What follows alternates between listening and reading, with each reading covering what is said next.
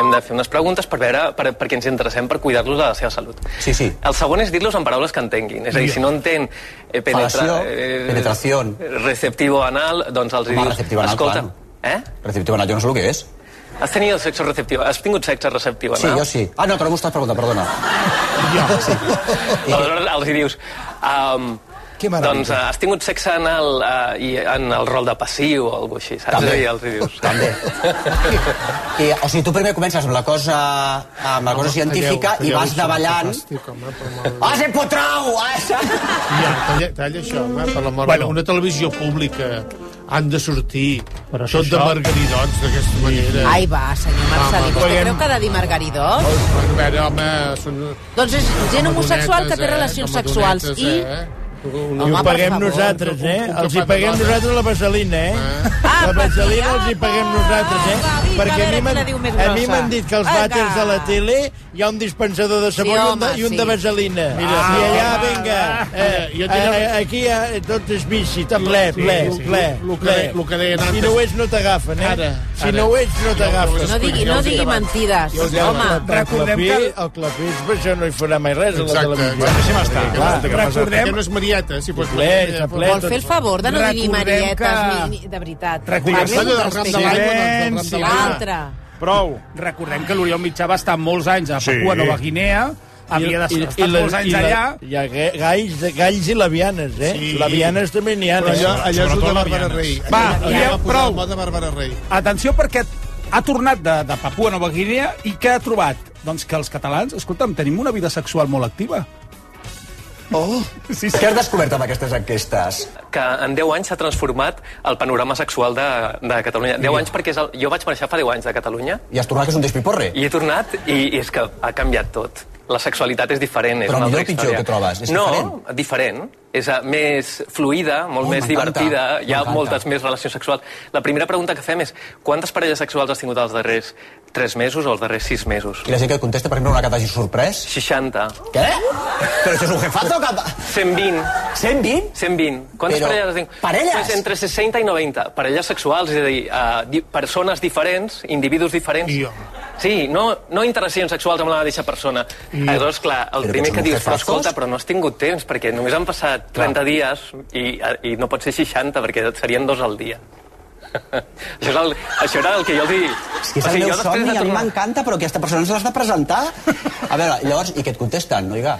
Aleshores, després ja ho entens millor, eh, quan comences a entendre com és el panorama eh, sexual actual, no? I català, estem parlant de Catalunya, no estem parlant de Berlín, anys 20, i estem No, parlant de... Barcelona, Barcelona. Barcelona, Talleu Catalunya, eh? Sí. Talleu O sigui, els catalans follen, follen molt, eh? seria una mica el titular d'avui. Alguns sí. Veieu aquesta porqueria? Escolta, de deixem fer una petita consulta. Soc el Gonzalo.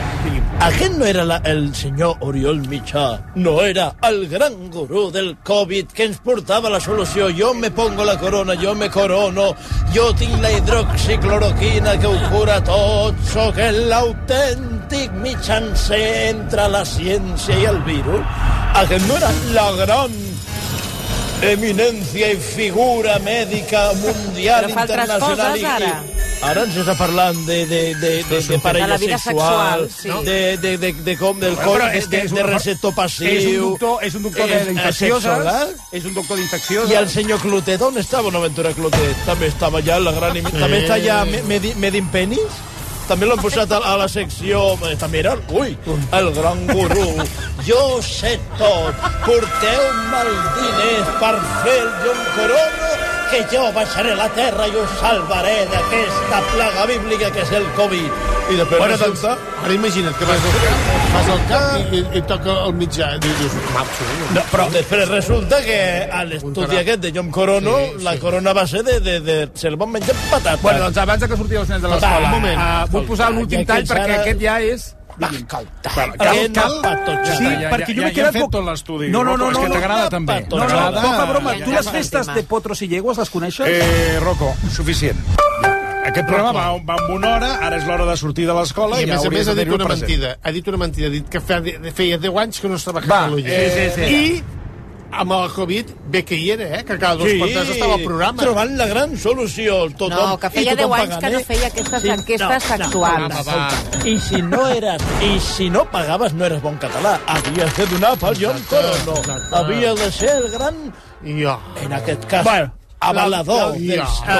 4 de la tarda, 5 Ja minuts. està, ja em ventiles per avui? eh, Sí, eh, crec que t'has accedit amb el temps del, del doctor Home. Mitjà amb uns temes que, bueno, està bé, però per aquesta hora no són els eh, més adients i crec que tu mateix avui t'has posat la soga al coll. Per tant, eh, ja, fins demà. Apa, fins demà. apa, adéu, fins demà. Adéu. Una abraçada. RAC1.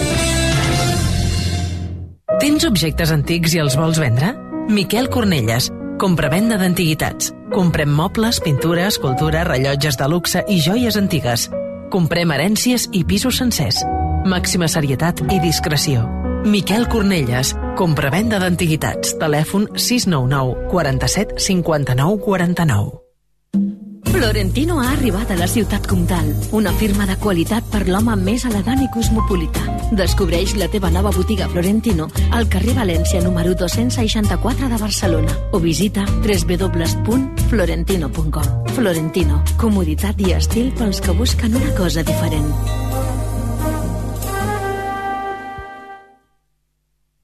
Purs, eterns, transparents. Els diamants són la pedra més preciosa i a Criso els valorem més que ningú.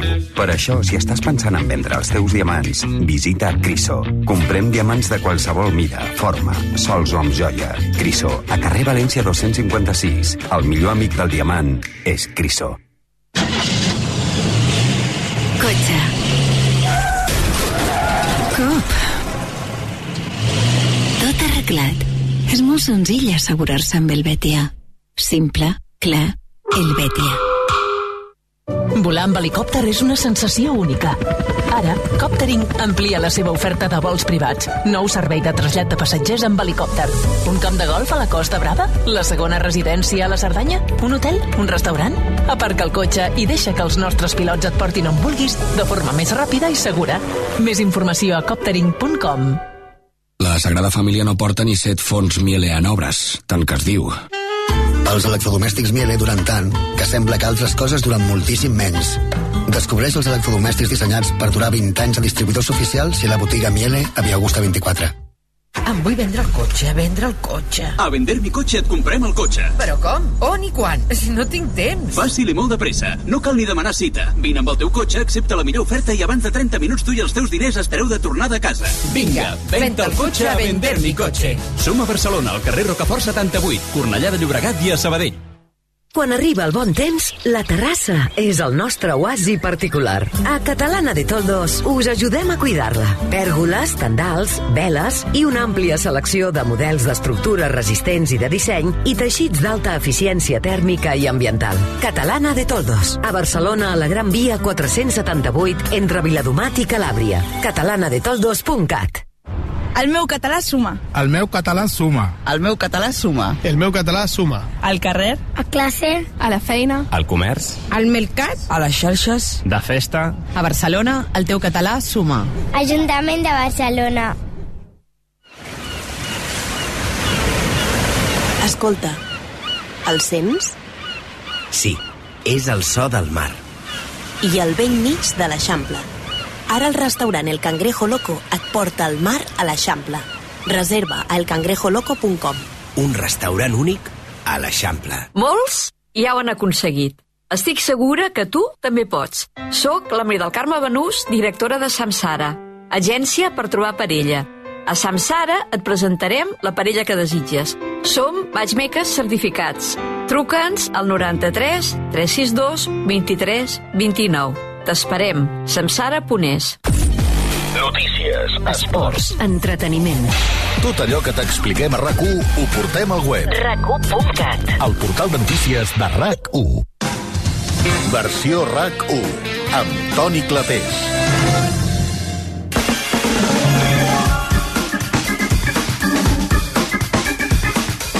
4 de la tarda, 9 minuts. Eh, saludem eh, novament al Dani Arbós. Sí, Eh, bueno, sí, otra vez a joder con el tema Va, ese de. Urano. Hola, Urano, venga, va. a, a meter la cabeza en el butano. Es lo que tendríais que hacer. Enchegar el butano y respirar un ratito, cabrones.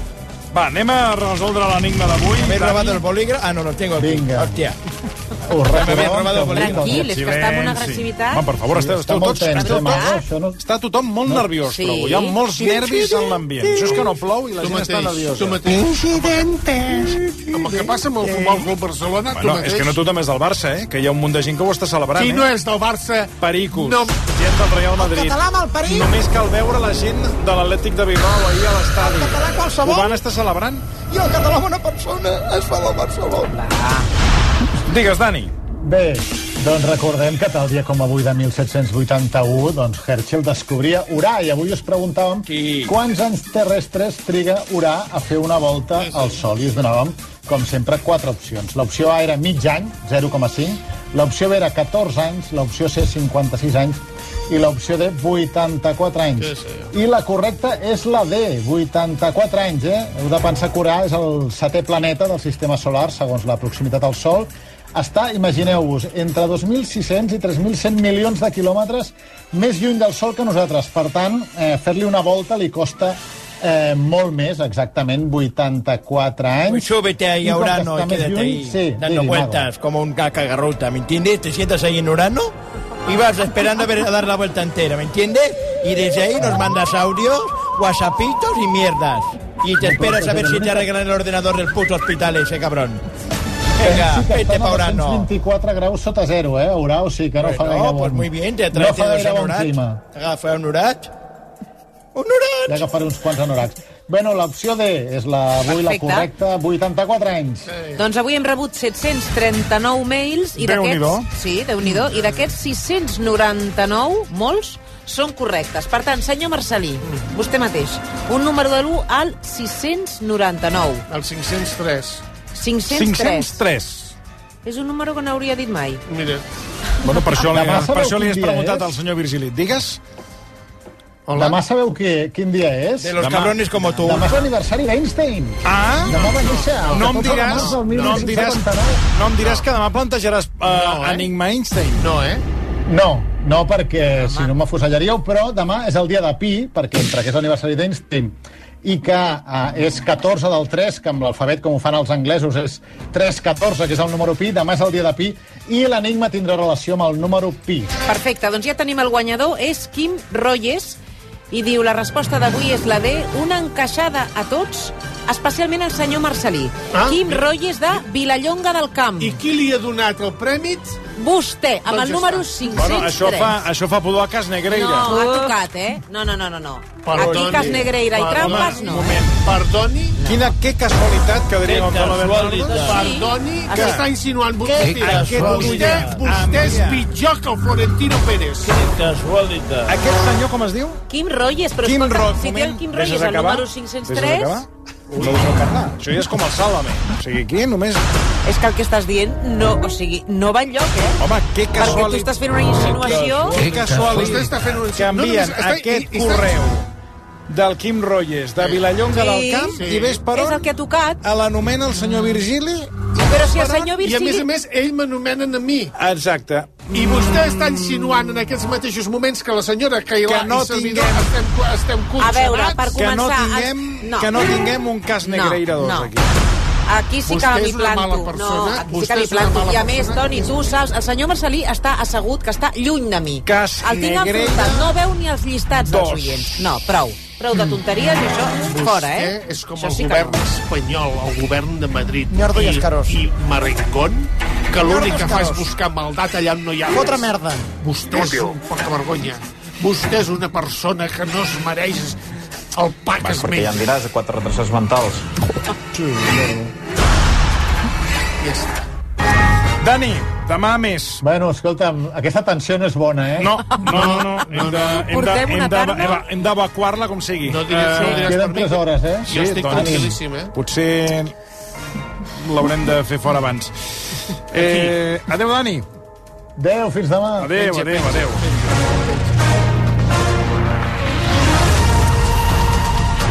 Uh, tot això, no sortim, no hi ha manera de sortir del cas Negreira, Home, perquè home. el govern espanyol també uh, es reenganxa aquest Vaya, cas, s'afegeix al Real Madrid i es personarà contra el Barça si finalment el jutge ho porta a judici, que evidentment ja podeu donar per fet que ho portarà. Míriam Díaz. Bona tarda. Jo estic amb tu, eh, Toni? També és que porto tot el dia amb el cas Negreira i ja veig complots eh, per tot arreu. Home, ja, per com- tant, Cailà i senyor Marcelí... L'altre. gràcies, també, Míriam. també veig aquí L'altre. una conxorxa, conxorxa maca, eh? Gràcies. Com que la No tenim cap prova, però com el cas Negreira, amb el cas Negreira... A la fiscalia aneu. Prova. Exacte. Com que, com que la senyoreta no ha pogut dir el número avui, està gelosa. No, no gens.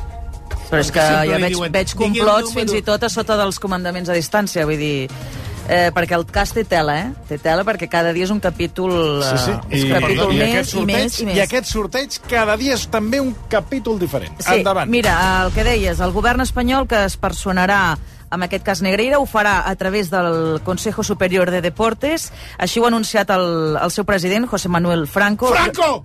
Sí, a quin programa? El programa de Ana Rosa a Telecinco. L'altre.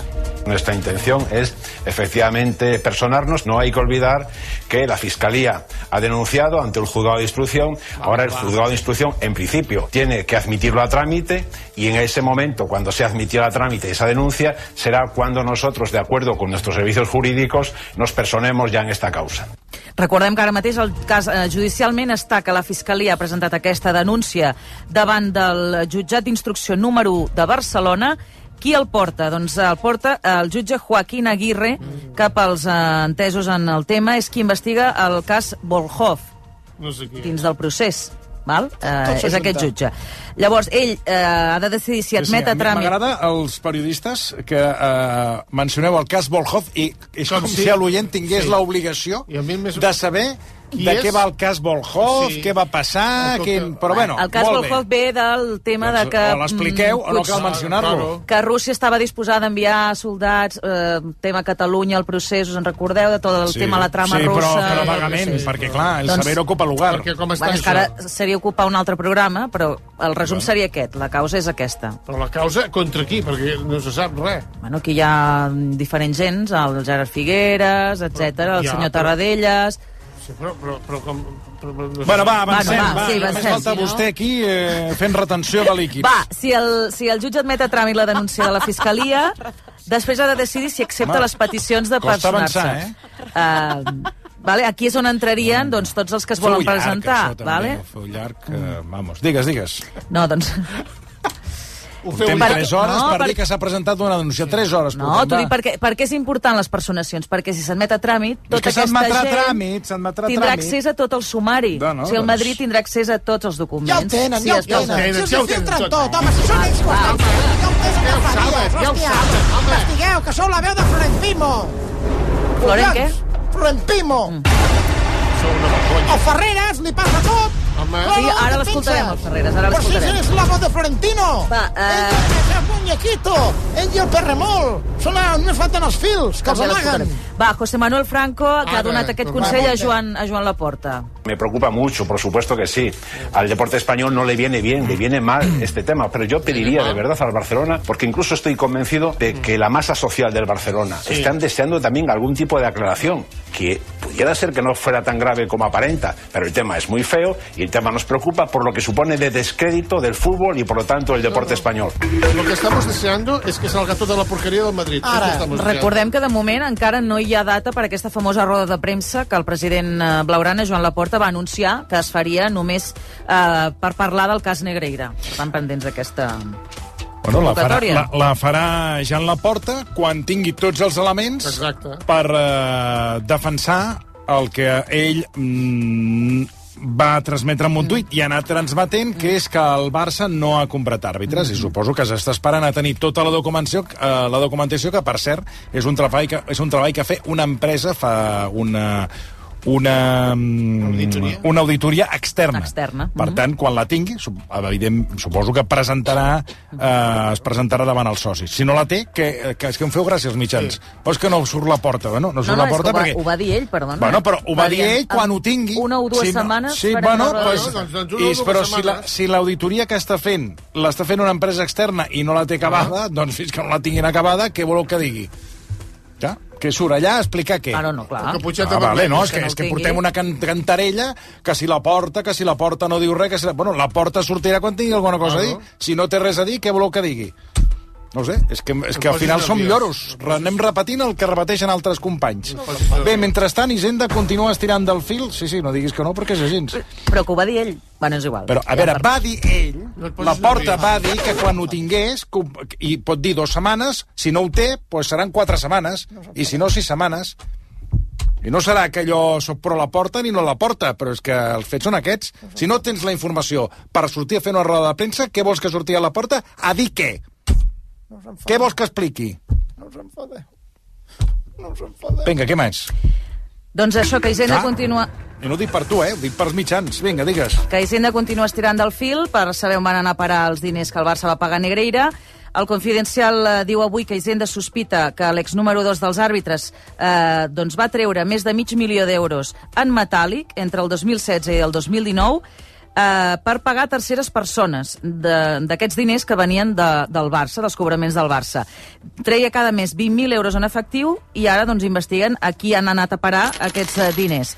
Um, dos línies d'investigació, que anessin a altres àrbitres que participessin en aquesta suposada conxorxa i l'altra línia que fossin per eh, directius del Barça, directament, que eh, els hi tornés el favor, diguéssim, de- d'aquests Per pagaments. tant, a dia d'avui, quan passen 6 minuts d'un quart de 5 de la tarda, què hi ha de cert en el cas Negreira? De cert és que efectivament hi va haver pagaments, Enrique Negreira, això ja ho ha admès el Barça, eh, número 2 dels àrbitres, i el seu fill, recordem coach de l'estament arbitral, que serien des de l'època de Núñez fins a Bartomeu, per tant, eh, 7 milions i mig d'euros durant 17 anys.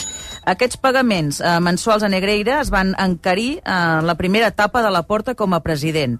Eh, li va multiplicar els diners. El Barça no ha negat els pagaments, assegura, però que van ser per aquests serveis d'assessoria arbitral que es van prestar, diuen, amb informes i vídeos sobre àrbitres. Algun entrenador del Barça, com Ernesto Valverde o el Tata Martino, han assegurat que ells no van veure mai aquests vídeos. Un altre del que, dels temes que estarien certs és que Hisenda va començar a investigar Negreira quan el Barça va demanar poder-se desgravar les factures eh, d'aquest eh, senyor, eh, segons el club, pels serveis eh, laborals. Per tant, era públic. Era públic, correcte. Per tant... No ho amagaven. No ho amagaven, no, no, no. no ho han amagat en cap moment. Pues ja està. que Negreira va amenaçar a través de burofax, perquè aquests burofax s'han fet públics, a l'expresident Bartomeu d'escampar drets bruts del club si no li continuava pagant. Recordem que Bartomeu va deixar de pagar Negreira el 2018 a aquesta empresa de, de l'excol·legiat que en quan van deixar de rebre els diners l'empresa va tancar, Imagina't. perquè només es dedicava a aquest servei. Una altra cosa certa que la Fiscalia doncs, demana imputar al Barça, Sandro Rossell i Bartomeu i altres directius que declarin també com a testimonis eh, Laporta o Gaspart eh, com a expresidents a qui no pot investigar perquè el suposat delicte ha prescrit. Considera acreditada la Fiscalia que els pagaments es van fer per afavorir el Barça amb els arbitratges, tot i que la Fiscalia, recordem, no aporta cap prova en el seu eh, informe. Això seria el que de moment se sap sobre la taula. Ara mateix, però, la crisi d'imatge i honorabilitat del Barça ha traspassat fronteres, sobretot Va, va, pel treu, judici treu. paral·lel que n'estan fent alguns eh, Els de Madrid, mitjans. els de Madrid i vosaltres. Aquí, Això, aquest he és el estat fent mal. una mica de zapping, eh, Toni, avui per la No, sexta, no. sobretot. No, ¿De no. I de qui parlàveu? ¿De quién es la sexta? Pues del niño de Ferreras. De qui eh, niño de parlàveu? Florentino Ferreras. Clar, perquè és l'endemà que el Madrid finalment s'hagi decidit a personar-se i ell ha donat per fet que el Barça va comprar àrbitres. Atenció al que, al que deia aquest migdia al seu programa. compro a terceros para que se arbitre como yo quiero, porque así el Barça me sigue pagando, y además de paso se lo devuelvo a algunos directivos del Barça que son los que me están facilitando la pasta. Pero atención, está claro que funcionaba, porque la porta cuadriplica los honorarios. Vaya que sí funcionaba. Y ahora mismo Medina Cantalejo al frente del Comité Técnico de Árbitros y Clos Gómez al frente del VAR, que formaban parte de aquel entramado, son los que siguen dirigiendo el arbitraje español. La credibilidad está en juego del fútbol español, no solo del arbitraje. Y cuando Laporta dice que el Barça es inocente, el Barça sí. Sus directivos no. Sus aficionados sí. Ellos son las víctimas. Pero ahora mismo esto es un antes y un después en la historia del fútbol español. La trama de corrupción es de una gravedad brutal, posiblemente una de las más graves de la historia del fútbol en cuanto a corrupción del arbitraje. Y el corruptor eran los responsables del Barça, que es que le pagaban. que es que Enrique Negreira dice que era para garantizar la neutralidad y el Barça dice que era por vídeos. Es que encima no se están riendo del resto de aficiones al fútbol, se están riendo de los socios del Barça. Això és el que deia Ferreres al migdia, després hi havia el xiringuito, No, de dir no, no, no. Deia Florentino i li ha fet llegir amb aquest que li ha passat Ara, tot el paper i ara que ho has dit. que posar la veu. Ara la veu dit. de Florentino Ara és el. Ferreres. Tienes que decir esto. Ferreres. Rocher, eh? Allà amb els bou, com si fossin bombons, anava servint. Després hem de dir que Pedrerol a, a Jugones L'altre. ha estat bastant eh, escuet, bastant Però clar, neutral, Perquè ja ho ha dit l'altre. no com el que va passar a la nit al seu altre programa, eh, el xiringuito de Jugones de la Sexta, que déu-n'hi-do. Eh, ¿Tú te crees que el Madrid y el resto del club van a estar cruzados de manos así? Eso es el Alicia, el país de las maravillas. Y esto es una cosa muy grave. ¿Tú te piensas que un fiscal va a escribir esto si no tiene pruebas? Mamé, repito. y Juan, y el país de las Bernabéu, maravillas. que lanzáis, Lo- la lo- que el Barça Walt Disney, uno de estos, ¿no? ¿Qué te cabrees? Yo estoy Me cabreado. encanta que te cabrees. Me lo queréis quitar. Pues mira, me encanta que te cabrees. Vosotros no me tenéis que encanta estar que te cabrees. cabreados. Me encanta que te cabrees. vosotros nos han Me robado. cabréate con tu presidente y con los demás, que son los que han hecho esto. Tienes que devolver nueve Champions tú, entonces. ¿Cómo puedes decir que María regaló nueve, Champions, tío, con la que tienes encima, tío? ¿Cómo puedes decir semejante barbaridad? El Barça parece ser que, que vuelve, que está volviendo. Madrid pierde por los árbitros y el Barça gana por los árbitros. Es mal momento para que habléis de los árbitros. ¿Por qué? Muy mal. ¿Por qué? ¿Por qué? Muy mal. ¿Por qué? Porque cuando le pagas 7 millones de euros al vicepresidente del Comité Técnico de Árbitros es mal momento. Estoy muy quemado. Estoy muy quemado, que me quiero bajar de esta liga, que yo no soporto esto. No se ha demostrado que el Barça haya comprado árbitros para beneficiarse, que es lo que dice la Fiscalía. Y la pena es que la sanción llegará antes en Europa que en la Liga. Se ha dicho durante décadas, así, así, así gana el Madrid. Que mientras al Madrid le cantaban eso, un juicio. vosotros le pagabais a Negreira. Doncs així estava l'ambient eh, ahir al vespre i aquest migdia amb, La música amb aquesta Ferreres. era real? De, o sigui, és, És això que fan ells, que posen... Sí. Escolta, fent era el tan resum, d'acord, eh? posen Et vas posant el nerviós que dius, escolta, saltarà tot pels aires, eh? Bueno, i en tot això, a Toni, aquesta setmana ve el clàssic, amb aquest ambient Calla, eh, calla. escalfadet. Calla, calla. Hem de dir que la televisió del Club Blanc, Real Madrid Televisió, ja està escalfant el tema, perquè aquest cap de setmana ja ha insinuat que l'actual àrbitre coordinador del VAR, que és Clos Gómez, estaria també implicat en el cas eh, Negreira. I això ha fet saltar espurnes entre alguns exàrbitres com Iturralde eh, González. L'excol·legiat li té jurada a Florentino Pérez. Recordem, no sé si ho recordeu vosaltres, el temps cara a cara que van tenir tots dos en una tertúlia de Marca Televisión el 2013. Escoltem. Nunca he hablado de los árbitros. Que hasta han dicho. Así nunca. No, yo no he hablado nunca. Sí, ha hablado de los árbitros, sí. ¿Yo? Sí, usted ha hablado de los árbitros, el Madrid, el Barcelona, aquí todo el mundo No, tiene que callar de los el Madrid árbitros. no lo sé, todos. pero yo no. Ustedes han hablado de los árbitros. Usted a mí me lo ha Bueno, dicho. yo puedo hablar con usted. Vale, perfecto. Entonces habla de los árbitros también. Vale. Bueno, usted es un poquito grosero. Usted ha sido árbitro, debe tener alguna mala conciencia, porque no sé por qué, por qué usted tiene que defenderse de algo que yo no he dicho nada, no le he mencionado ni a usted ni a los árbitros, nunca. Otro tema es que si yo estoy en la esquina, puedo hablar con usted de lo que sea, que ya sé que no lo haré más. Tampoco sé si he hablado con usted, se lo digo de verdad, porque yo no sé nunca ni dónde lo he visto, se lo digo sinceramente. Se lo digo, dale, he tenido que preguntar cómo se llamaba este señor ahora. Doncs ara ja sabem per què d'aquest temps eh, cara a cara. I és que Iturralde va revelar ahir a la cadena SER que Florentino Pérez el va intentar pressionar el 2010 Fixa't. després d'una, atenció, d'una golejada del Madrid al Deport 6 a 1 al Bernabéu. Florentino Pérez el va intentar tancar en una habitació a soles per eh, demanar-li arbitratges com el del Barça. Que me metió en una habitación aparte con mis dos asistentes después de un árbitro de un Real Madrid deportivo fue el señor Florentino Pérez. Acaba el partido, nos duchamos, salimos los dos árbitros asistentes conmigo, que me meten en una habitación aparte. Y yo digo, no, con mis asistentes. Si yo solo os pido una cosa a los árbitros, que me pitéis que igual que al Barça. Que a ver si me está haciendo una broma, a ver si me lo dice de, de- de verdad. Y me dice que sí, le digo, se ha acabado la conversación. Y todo esto, a la media hora, ya lo sabía el CTA. Porque lo pusiste tú en conocimiento Lo del puse CTA. en conocimiento, sí, porque me parecía muy grave. ¿Y qué te dijeron? Oye, ahí quedó. ¿Hubo sanción? No hubo nada. Claro. Y yo no me tengo que esconder, porque eso pasó, y eso fue cierto. Y eso hay un informe dentro del CTA porque yo lo puse en conocimiento. Para que vean lo que es presionar. Y yo no me voy a esconder. Por eso digo que no hay ningún árbitro corrupto. Porque estamos por encima de esta, de esta gente.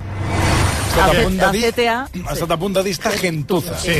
per qui no ho sàpiga, CTA vol dir el Comitè Tècnic d'Àrbitres. Mhm. Ell ho va posar en coneixement i no hi va haver cap mena de...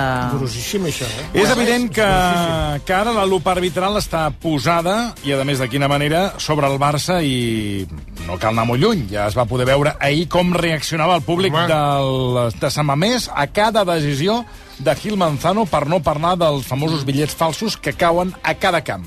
Però ara la caixa de Pandora sobre la relació entre els equips i els àrbitres s'ha obert i es comencen a conèixer moltes històries. D'aquestes històries, Marc Serra, bona tarda. Bona tarda. En parlem d'aquí dos minuts. Versió RAC 1. Me comunican que el aeropuerto ha desaparecido. Hay que cubrir el colapso de los transportes, ¿vale? Si cubrimos la crisis de abastecimiento. ¿cómo que no hay aeropuerto? Que no hay aeropuerto, caballero. T'imagines un dia sense aeroports? Descobreixo a undiasenseaeroports.com. AENA. Aeroports para tu. Ministerio de Transportes, Movilidad y Agenda Urbana. Gobierno de España.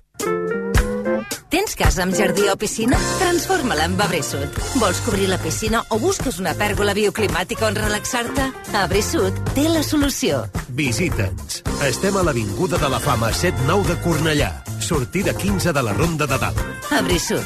Dóna vida al teu exterior.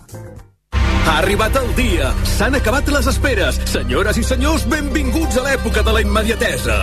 Ei, que som al 2023! Emporta't ara el Suzuki S-Cross amb etiqueta Eco, tracció 4x4, càmera 360, últims sistemes de seguretat avançada i entrega immediata! Sí, sí, immediata! Nou Suzuki S-Cross. L'escoltes cada matí des de les 6 i ara podràs parlar amb ell. El Club Vanguardia et convida a una xerrada amb Jordi Basté el proper 29 de març a Casa Seat. Coneix el director i presentador del programa líder de la ràdio en una trobada exclusiva per a subscriptors de La Vanguardia i Mundo Deportivo. Aconsegueix la teva invitació a clubvanguardia.com. T'hi esperem. Hola, carinyo, com estàs? Bé, m'han dit que us truqui. Quines ganes teníem de parlar amb tu. Que tu passes bé? Estàs fent amics? Menges bé? Ai, mama. Ens trobes a faltar? Sí, mama. Però em puc quedar una setmana més? Colònies d'estiu de Rosa dels Vents. Cuidant el que més estimes des del 1976. De primero tenemos cocido completo o bichisua. Y de segundo, merluza en salsa verde o chuletillas con ensalada. Mm, yo tomaré bichisua y merluza. ¿Y usted? Pues yo, yo lo que quiero es decirle que le siento como a un hijo. Vale. Extra Día del Padre de la ONCE. El 19 de marzo, 17 millones de euros. No te quedes sin tu cupón. Cómpralo ya. Extra Día del Padre de la ONCE. Ahora cualquiera quiere ser padre. A todos los que jugáis a la 11, bien jugado. Juega responsablemente y solo si eres mayor de edad. Versió RAC 1. Amb Toni Clapés.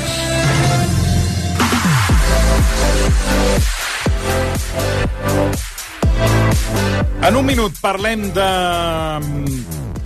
amb un protagonista que té moltes històries a explicar en el món de l'arbitratge. Ho farem amb Paco Aguilar, però abans eh, hem de parlar de la xarxa. La xarxa, de la xarxa Més, que no sé si la coneixeu, és la nova plataforma no. de continguts de proximitat en català ah, molt bé. i gratuïta. Molt bé. Allà hi trobareu continguts de més de 30 televisions locals i també podcast de ràdio locals. Molt bé. Trobareu transmissions esportives, castells, documentals, teatre, música, tradicions, festes populars i molt més. Tot això a la xarxa Més per veure on i quan vulgueu. És molt fàcil registrar-se, heu d'entrar a la xarxamés.cat i omplir el full de registrar. No trigareu més d'un minut. Molt bé. Marc Serra, bona tarda. Bona tarda. Avui he vist un tuit del Paco Aguilar, periodista esportiu de referència, que explicava unes pràctiques del Real Madrid en el context de Copes d'Europa Mm.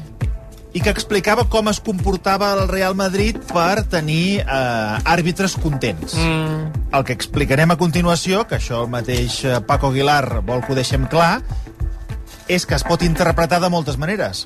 Es pot interpretar com una pressió sobre els àrbitres o com una manera de tenir-los contents. Mm -hmm. Si èticament aquestes pràctiques són o no són eh, correctes, això ho haureu de decidir els que ens escolteu ara mateix.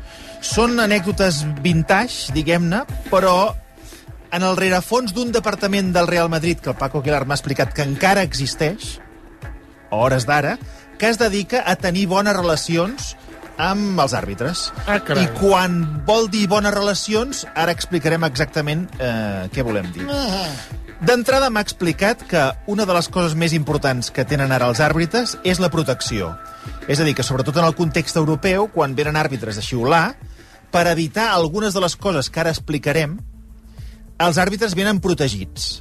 Venen envoltats de persones que no els deixen tenir contacte amb la gent dels clubs. El futbol europeu va tindre una, una època eh, molt, molt complicada amb el tema d'arbitratge.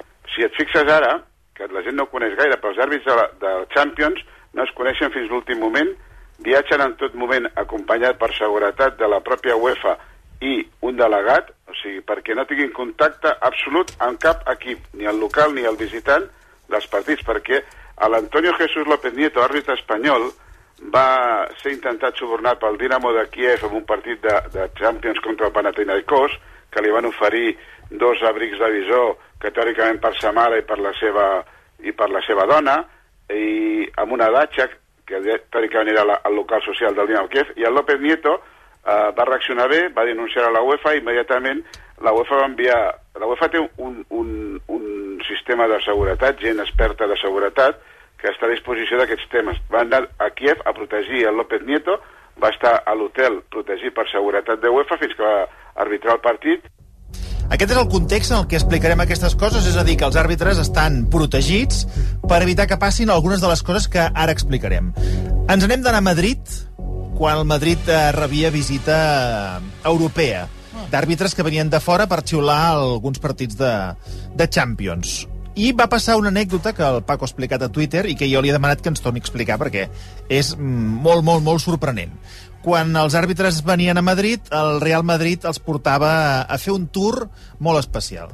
No, no et donaré noms i cognoms, l'únic que sí que puc dir, perquè la persona que m'ho va dir és morta, i em sap que no es pot defendre, que es deia Alejandro Bogel. Aquest senyor era un alt directiu de Philips d'Espanya, crec que era Philips d'Espanya i Portugal, que era Philips i, i Ibèrica, i que estava molt relacionat amb el Real Madrid i estava ficat una mica amb la public relation de, del, del, del Madrid amb els àrbits estrangers que venien al Bernabéu i eh, era públic i notori, això era el, el, el rumor extès que hi havia, de que eh, abans dels partits portaven el cort inglès, per més senyes et diré que era el, el cort inglès del carrer Serrano, li ensenyaven, pues, eh, tu poguessis arribar a casa teu i dir-li a la teva dona amb una rentadora últim model de Philips o jo que sé, perquè eren electrodomèstics de, de, de l'últim moment i aquell electrodomèstic arribava com un detall del de, el Real Madrid a, a aquests àrbits. Vol dir això que els tocaven, que els compraven?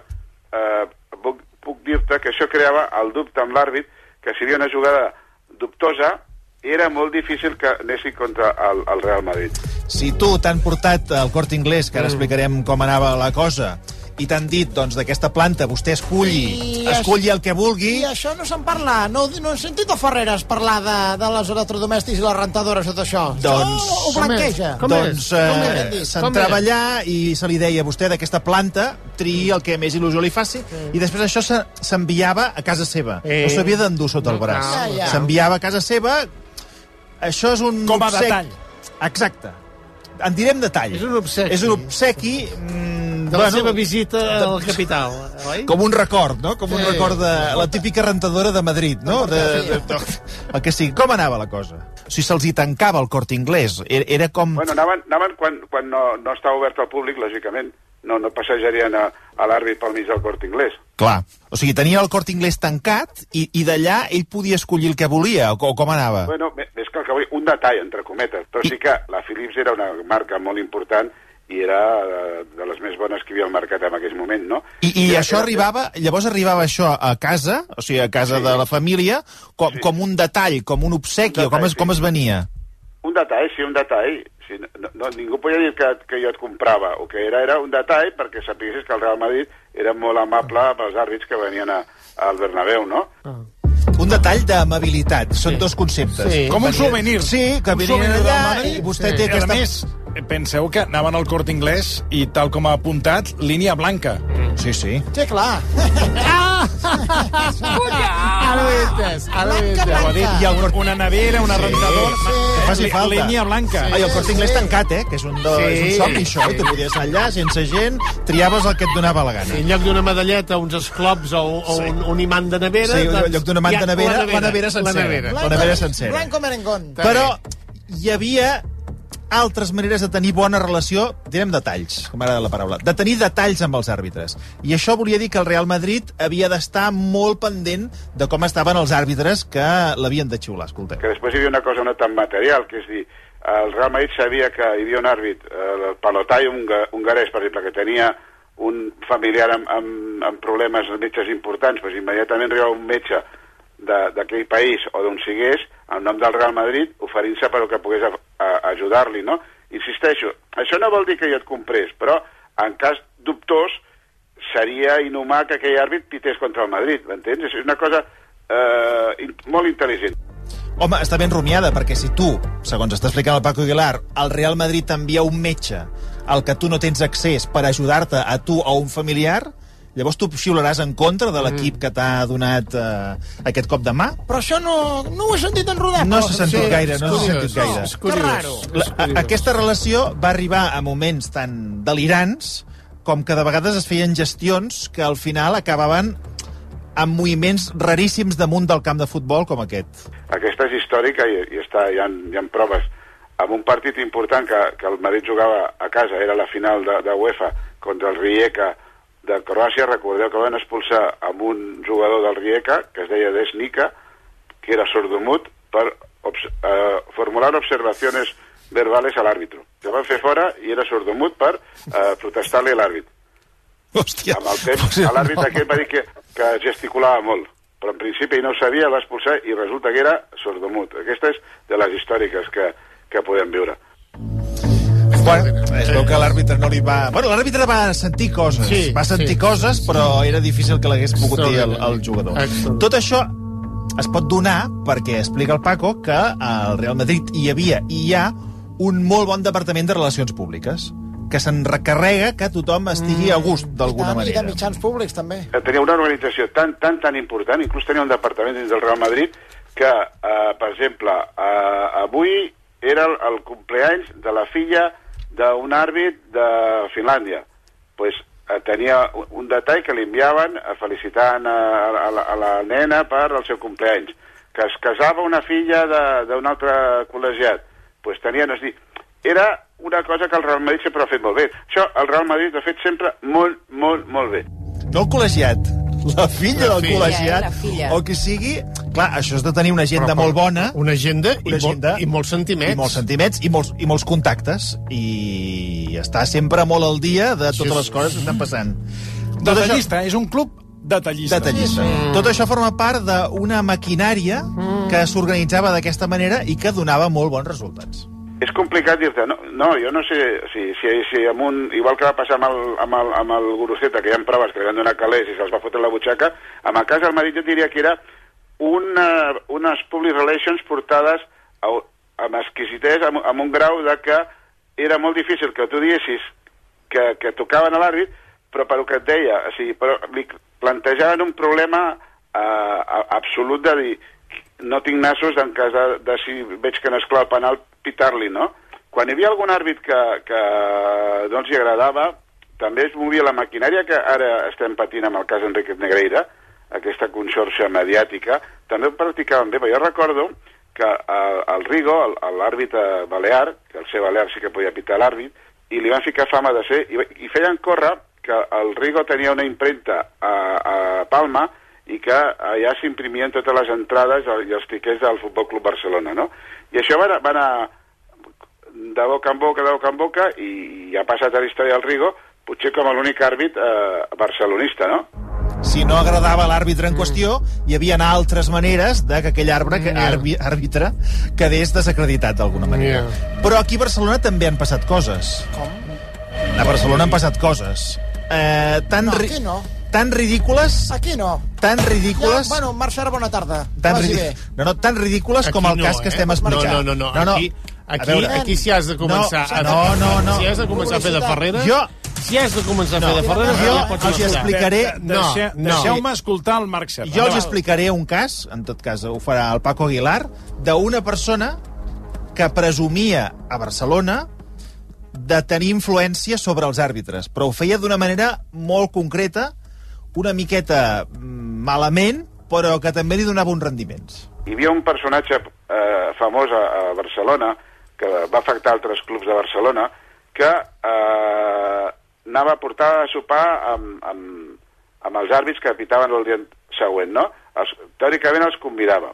El tio li deia als àrbits, no, no, no puc pagar perquè, clar, pagueu vosaltres, perquè si, si se sap que he pagat diran que us he intentat comprar, de més. Llavors, amb la factura, aquella factura la presentava al, al, al, al club i deia, escolta, mira, que vaig portar ahir el, el, el, els àrbits a sopar i tal i qual, diu, bueno, si l'arbitratge era positiu per l'equip de casa, diu, bueno, ja has vist, no?, eh, com s'ha notat la meva mà i tal, i li donaven calé. Que no sortia l'àrbit i anava en contra de l'equip, ostres, aquest és que no s'ha deixat. I així va estar quasi bé una temporada timant a, a més d'un club.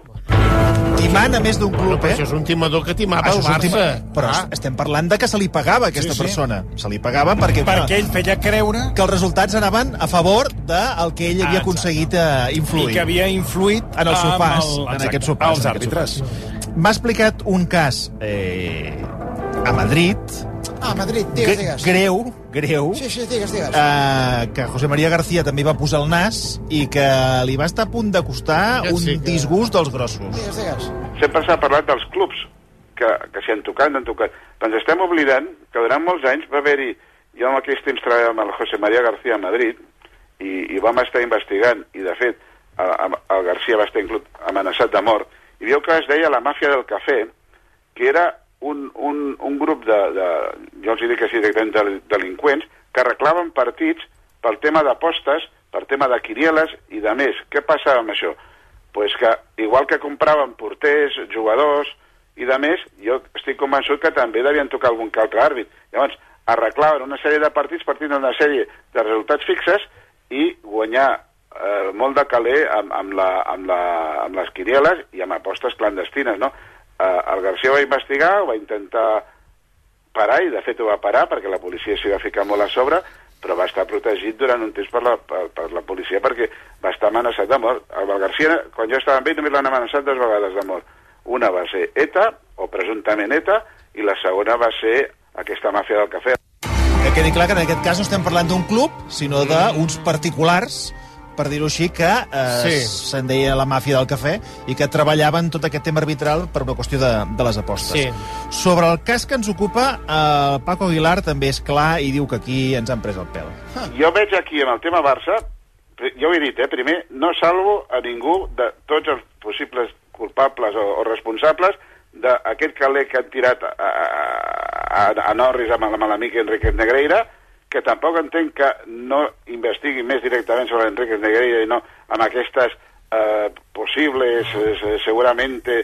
És que ja ha de sortir a l'escrit de la Fiscalia, tu parla amb qualsevol abogat una mica expert, i et dirà que no té ni, ni cap ni peus, o sigui, és, ni, ni tan sols es querellen, és, és, una, és, és una denúncia de suposicions. I ja o d'avui de, de, de, que ha sortit d'Hisenda, que investiguen que l'Enrique Negreira va treure eh, altes quantitats de calé per destinar a tercers, o sigui, tal com està redactada la notícia, volen dir clarament que aquest calé que treia l'Enrique Negreira era pagar amb els àrbits. És que, per favor, estan dient unes animalades tan grosses, però com això no s'ha frenat, no hi ha una resposta eh, eh, contundent al tema, eh, el Barça trigarà anys i anys en recuperar el seu prestigi. O sigui, tu parles amb... amb tinc coneguts a, a mig món que et truquen preocupats perquè tenen Sí. cert carinyo i respecte pel, pel Barça i no ho entenen. O sigui, per més que tu els intentis explicar, no ho entenen perquè, a més, la notícia que surt a l'estranger, l'agència el que passa és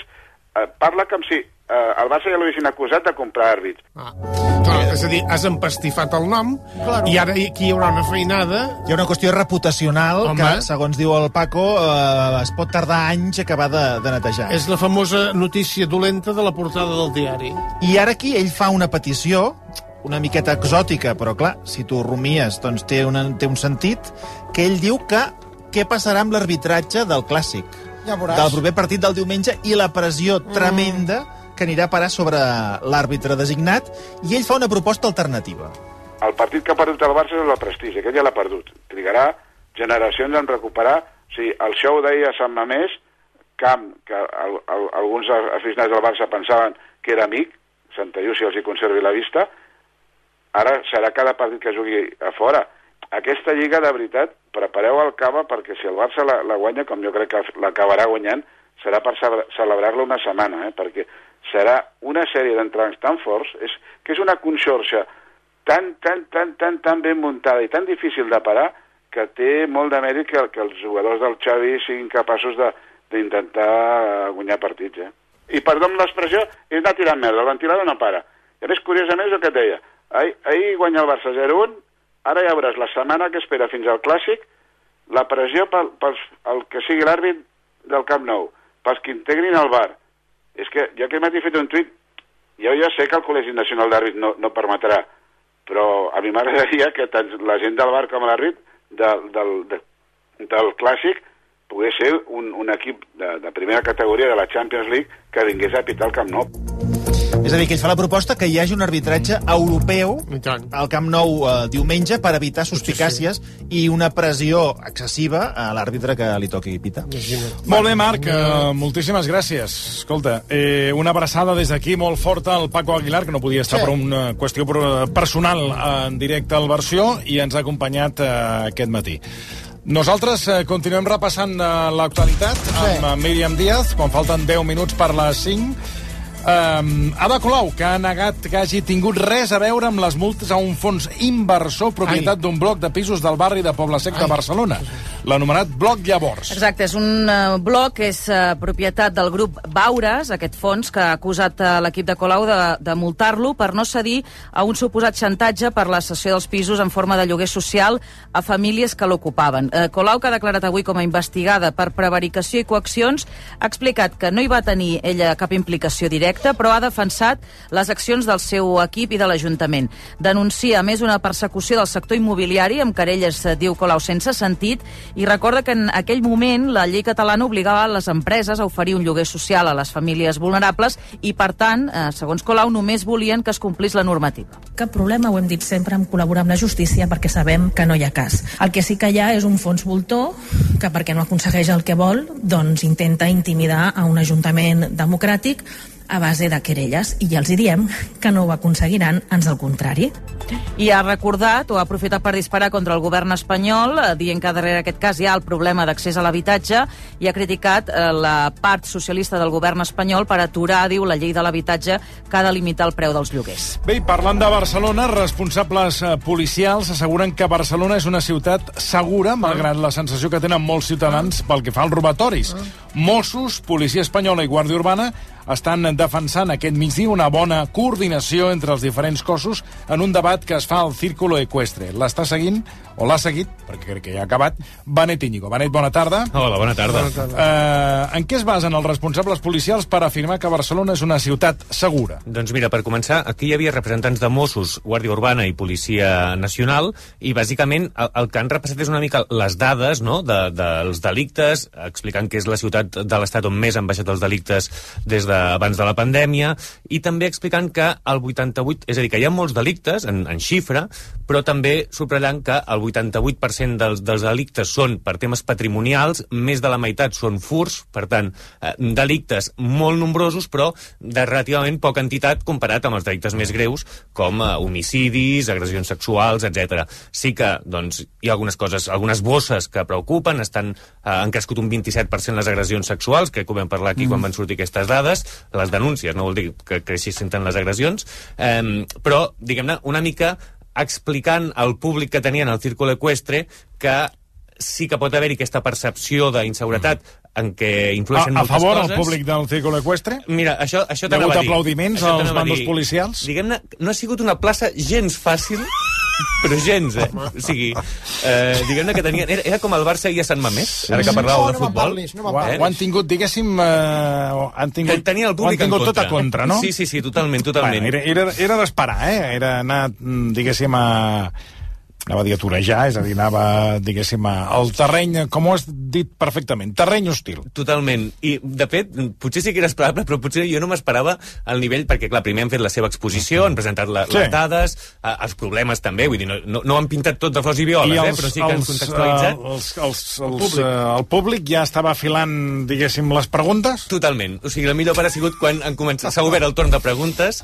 i, si vols, repassem Sí, una home, mica per favor. els, eh, els Estic- estic desitjós. D'escoltar el torn de preguntes. Uh, primer, ha, ha intervingut un senyor al qual, uh, diguem-ne, que uh, li va desaparèixer el mòbil uh, mm. un dia i uh, anava així la cosa. Cada uno como lo vive, evidentemente, si le La preguntan... moderadora usted, veiem que és Maica Navarro, no es la companya segura. de La Vanguardia. ¿Y por qué cree usted? Entonces, aparte de esos dos elementos de que sus dos hijas le robaron el móvil al descuido, ¿por qué cree que Barcelona no es segura? Quizá hay que, hay que, hay que dar más recursos para que haya más, más gente protegiendo nuestras calles. Lo que no puede decir un político es la culpa es de usted porque sale con un reloj por la calle, por la noche. Y a mí esto me lo han dicho. A mí esto me lo han dicho. A lo mejor usted no tenía que salir con un, con un cartier por la noche.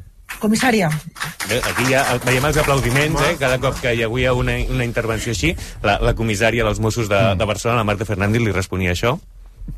no hi ha un problema de que Barcelona en quant a, a recursos no estigui suficientment dotada. Aquest problema no el tenim. Bueno, pero también es verdad, comisaria, que hay 18.000 Mossos en Cataluña. Barcelona es el 34% de los delitos en Cataluña y tenemos 3.000. Es verdad que ayudan servicios centrales como Brimo, la Sarro, etcétera. Aquí havia quizás sí que podríamos debat, reclamar no? entre el número d'efectius que Barcelona. havia de tenir Barcelona, etc. Però diguem-ne que aquesta ha sigut la primera de les intervencions, però la cosa doncs, ha, ha, Ah, sí? Ha anat en- ha anat en continuant. augment? Sí, Ah, després doncs ha intervingut una, una senyora que parlava de la situació a Diagonal Mar. O sea, que no digan ustedes que no hay robos. Hay muchos más robos. Y que no digan ustedes que es por temas de, de luz. Porque yo me han intentado robar cuatro veces. Yo no sé si es correcto o no es correcto, pero yo voy con un spray de pimienta. Me metan en la cárcel, me es igual. Ningú ha dit en aquesta, aquí que no roba. Evidentment que roba. I amb el tema de la llum, és veritat que a vegades, quan parles amb la gent a les enquestes i parlen de em sento insegur, les sensacions a vegades, on, on vius, el barri, la falta de llum, l'arquitectura, i jo també vaig amb spray de pimienta, o sigui que si a vostè la foten a la presó, jo aniré amb vostè. Bueno, ja ho veieu que, que la moderadora Maica Però Navarro... Maica Navarro és policia. Eh, no, però ha acabat una mica fent aquest paper, també. Sí, sí, és que veig que Maica s'ha tret la xapa i per uns moments eh, també- parlava con la comissària Maica Navarro. No, ja he començat a treure De- l'espai D'alguna negre, manera també. s'ha posat al mig entre el poc creuat entre, entre públic i, Ha sortit a defensar els cossos policials. També s'ha criticat, entre altres coses, doncs, el temps d'espera que hi ha a les comissàries per posar una denúncia. Aquesta senyora deia que, que havia estat 4 hores, 5 hores. La, la comissària deia que de mitjana, Home. que pot ser que en algun moment puntual sí, però que de mitjana són 30 minuts. Hi ha hagut aquest d'allò, però... Aquí, aquí estic amb la senyora eh, sí. perquè no és el, no conec, o sigui, no, no hi ha un cas ni dos de gent que va posar una denúncia a una comissaria i mo, en molts casos els diuen que torni un altre dia, que no hi ha... o que s'ha d'esperar 3 hores que no hi ha prou, eh, prou policies per fer la denúncia, o si no que tornin l'any demà. I la cita prèvia, que a vegades demà et donen una hora no? i t'acaben tenint sigui, bastant més cita tard. prèvia és el pitjor invent que ens ha deixat la pandèmia. La cita prèvia. Sí. El pitjor invent que s'ha produït, sobretot pel que fa al món del, de de l'administració pública. La cita prèvia. Això sí que és una pandèmia que ha caigut sobre el ciutadà. Amb l'excusa de la cita prèvia, tot és cita prèvia, i escolta, que no se't passi pel cap anar un dia Ui. perquè tens una urgència, perquè, clar, vostè no guard. cita prèvia, o vostè no té cita prèvia, doncs no el podrem atendre. Vingui un altre dia. I m'agradaria saber el volum que hi ha de feina amb la, amb la història de la cita prèvia. Un dia, per una cita prèvia, vaig arribar a un puesto que no hi havia ningú assegut. Ningú. Lo de la cita prèvia... No em facis parlar de la cita prèvia. No, no, perquè escolta. això es va instaurar a l'època de la pandèmia Home, i allà s'ha quedat i, escolta, ben còmodes que anem amb la cita prèvia. Doncs això ha sortit avui a la Home, a la doncs jo estic d'acord amb, la, amb, amb, amb, amb la senyora o senyor, senyora, qui sigui. senyora, Una senyora, una senyora que, que deia això. Bueno. Doncs el moment ja, diguem-ne, per, per acabar Cumbre? de, rematar... Moment sí, cumbre? Momento cumbre. Ha, ha estat quan ha intervingut una, una dona que era representant d'una plataforma de veïns de, de les Tres Torres, de, del barri de les Tres Torres de, de Barcelona. Zona alta. Que a més portava escrit, i aquí sí que hi ha el moment de picar baralla amb Maica Navarro. És, és un Ah, tall però una amb Maica llarg, Navarro, però- però Maica podeu, Navarro que- podeu escoltar-lo, podeu com escoltar-lo. comissària. Sí. no estoy muy de acuerdo con muchas de las cosas de las que se han dicho. ¿no?